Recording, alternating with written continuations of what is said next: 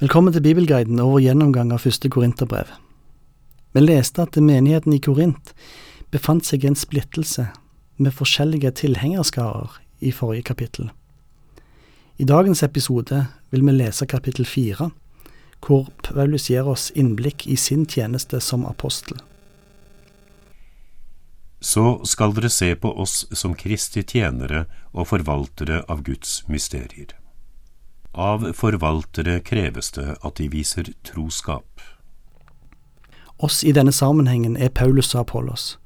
Paulus håper at menigheten forstår at de er Kristi tjenere, ikke mestere som søker egne disippelskarer. De er budbringere fra mesteren med stor M.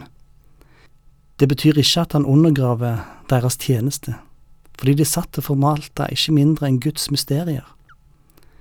Deres tjeneste er avhengig av at de er tro til det budskap de er satt til å formidle. Som tjener av Kristus hviler det et tungt ansvar på å formidle dette budskapet sånn som det er gitt. Både Paulus og Apollos må vise denne truskapen overfor det budskapet de formidler. Dette kan menigheten sjøl granske i Skriftene.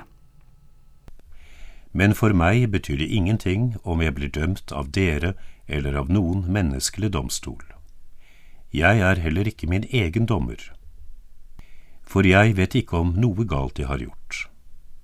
Men jeg er ikke dermed frikjent, for Herren er den som dømmer meg. Døm derfor ikke før tiden, før Herren kommer. Han skal få fram i lyset det som er skjult i mørket, og avsløre hjertets tanker. Da skal Gud gi enhver den ros han har fortjent. Det betyr ikke noe for Paulus om menigheten synes han taler på den ene eller den andre måten. Hans samvittighet er ikke bundet av å bli likt av deg. Han har kanskje sine egne tanker om hvordan han klarte og klarer å formidle dette budskapet, om det gikk bra eller dårlig, men heller ikke det betyr så mye. Paulus føler seg trygg på at han har formidla budskapet som han sjøl har fått det, men han kan allikevel ikke sette seg sjøl til dommer over egen forkynnelse. Den dommen overlater han til den eneste som kan dømme, Gud. Det er en trygghet for den som står på Guds ord. Han vil ikke bli gjort til skamme på dommens dag. Kanskje vil vårt budskap virke som dårskap for andre, men en dag vil de se og forstå. Sånn kan vi ha en trygghet i budskapet som blir formidla i denne boka. Dette er Guds hemmelighet, som vi har fått kjenne og eie. Alt vil bli satt på plass Enhver intensjon bak alle foretak vil komme fram i lyset. Det vil bli en rettferdig dom. Det skjulte vil komme ut i lyset. Paulus ønsker å formidle en troskap til Guds ord, en fremodighet i Guds ord, og en ydmykhet i møte med Guds ord. At en ikke bruker Bibelen for å dominere andre, men at en lar seg lede av Bibelen. Vær derfor forsiktige når dere dømmer andre, sier han. Her har jeg brukt meg selv og Apollos som eksempel for dere søsken. Av oss skal dere lære å ikke gå ut over det som står skrevet, så ingen skal blåse seg opp og holde med den ene framfor den andre. Hvem har satt deg høyere enn andre? Hva annet har du enn det du har fått? Og har du fått noe, hvorfor skryter du som om det ikke var en gave? Både Paulus og Apollos er knytta til det ord som er skrevet. Å bli oppblåst er å bli stolt. Ikke bli stolt i egen visdom, men vær ydmyk i møte med Guds ord. Ikke si mer enn det som står der. Når du ønsker å vinne diskusjonen og finne de beste argumentene, blir det lett at en tyr til egen eller verdslig visdom. I Guds rike fins ikke en rangstige å klatre. Overfor Gud så står vi alle likt. Det er bare Guds frelse i Jesus som gir oss ære. Den har vi alle som har tatt imot denne gaven. Skryter du over at du har noe som vi alle har fått? Hvorfor later du som om du har gjort deg fortjent til det? Hva har du gjort for å bli frelst? Det er bare nåde. Det samme kan sies om nådegaver som Gud gir til sin menighet. Det er gaver som en ikke har gjort seg fortjent til, Nåden gjør ydmyk, fordi den tar bort all selvskryt. Men dere er allerede så mette. Dere er alt blitt så rike. Dere er blitt konger, men uten oss. Ja, var dere bare blitt konger, så kunne også vi hersket sammen med dere. Her møter vi en sarkastisk Paulus.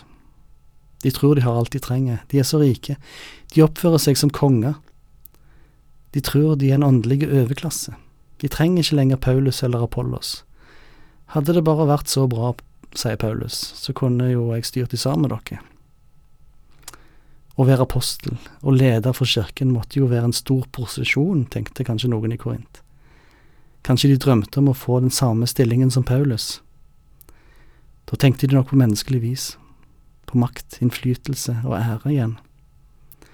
Men en tjeneste i Guds rike, det er å være en tjener, ikke en hersker.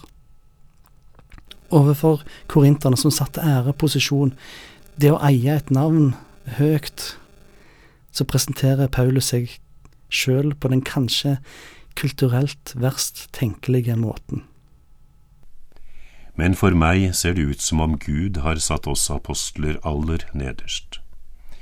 Vi er som dødsdømte, stilt fram som et skuespill for verden, både for engler og for mennesker. Vi er dårer for Kristi skyld, dere er kloke i Kristus. Vi er svake, dere er sterke. Dere får ære, vi får skam. Helt fram til nå har vi både sultet og tørstet. Vi mangler klær, blir mishandlet, er hjemløse, og må streve for å livberge oss med våre egne hender. Når vi blir utskjelt, velsigner vi. Når vi blir forfulgt, holder vi ut. Når noen håner oss, svarer vi med vennlighet. Vi er blitt som utskudd i verden, som avfall for alle til denne dag. Han setter seg sjøl nederst og presenterer seg som en dødsdømt kosmisk klovn, en fattig uteligger. Han har skitne hender etter mye hardt arbeid, men blir utskjelt og forfulgt der han går. Han sier han blir betrakta som avskyelig søppel. Sånn beskriver Paulus seg sjøl i sin tjeneste. Han vet hva det koster å være en kristen. Men midt i all denne elendigheten så søker Paulus å vise truskap mot sin Herre. Han søker å bygge opp den troende i kjennskap til Guds visdom. Han ønsker at de truende skal bli sterke. Han ønsker at menigheten bygges opp til ære. Derfor aksepterer han å bli dum, svak og til skam for deg. Paulus viser at han elsker Herren, men òg de han lider for, de troende. Han utholder forbannelsene, lidelsene og latterliggjøringen, fordi han vet at en dag skal han dømmes av Gud for sin tjeneste, og da har verdens reaksjoner ingen betydning. Måten Paulus presenterer seg sjøl på, er ikke måten kveldens taler blei presentert i menigheten i Korint. Men han ønsker å vise deg at en tjener for Gud ikke får verdens respekt, ære og posisjon. Tvert imot, de blir sett på som en plage for verden. Vil du bli som meg, spør Paulus. Vel, da må du være forberedt på skam, ydmykelse og lidelse. Jeg skriver ikke dette for å gjøre dere skamfulle, men for å vise dere til rette som mine elskede barn. Når Paulus nå har gjort seg sjøl til eksempel og viser hvorfor et liv han lever fordi han ønsker å tjene menigheten i Korint, så gjør han det ikke for at de skal ha dårlig samvittighet eller at de skal skamme oss over sine tanker og ambisjoner.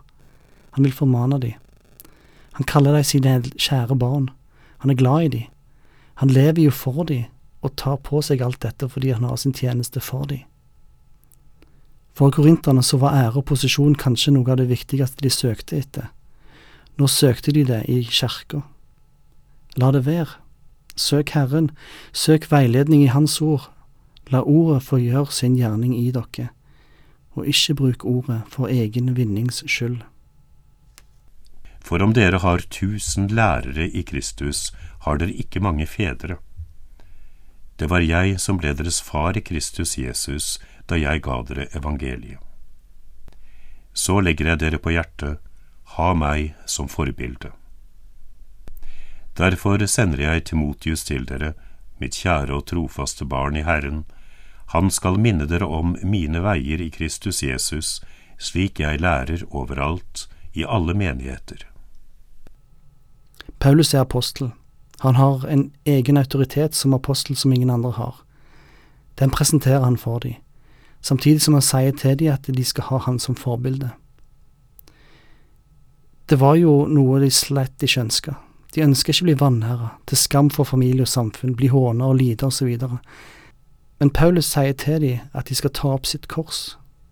Ta på deg skammen og lidelsen for sannhetens skyld. På dommens dag er det bare i korset at vi har noe som helst ære.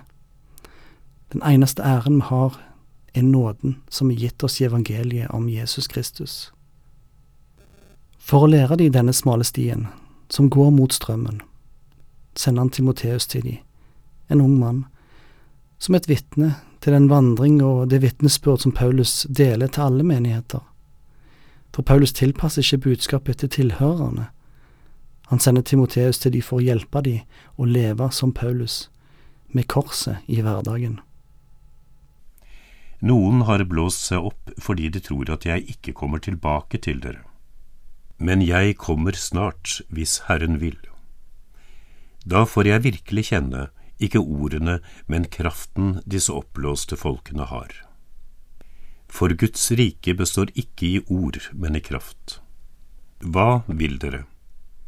Skal jeg komme til dere med pisken, eller med kjærlighet og mildhet? Paulus sier at han har hørt at det er noen i Korint som sier at han ikke kommer til å besøke dem, at han kanskje ikke tør. De bruker det som et argument for å bygge opp sin egen posisjon. Til deg så sier Paulus at han vil komme om Gud tillater det. Når han kommer, så er han ikke interessert i deres argumentasjon, men kraften og ånden som driver de. Han ønsker å avsløre om det er Guds ånd som taler, eller om det er menneskelig visdom som taler, for det er det avgjørende. Nå ligger ansvaret på menigheten. Han har varsla hva han kommer til å ta opp. Han gir dem muligheten til å prøve seg sjøl overfor Guds ord med Den hellige ånd. Han har formant dem til å unngå splittelse. Nå ligger ansvaret på deg. Når han kommer, må han minne dem enda hardere på det han allerede har sagt? Eller vil de ta hans ord til følge, sånn at han kan møte dem i omsorg og pleie stridens sår? Menighetens reaksjon og svar på det han har skrevet, vil avgjøre det. I de neste kapitlene blir Paulus veldig konkret i sin formaning til menigheten i Korint. Disse formaningene er en del av de endringene og oppgjørene som Paulus ønsker at menigheten tar, før han kommer. Mer om det i de neste episodene.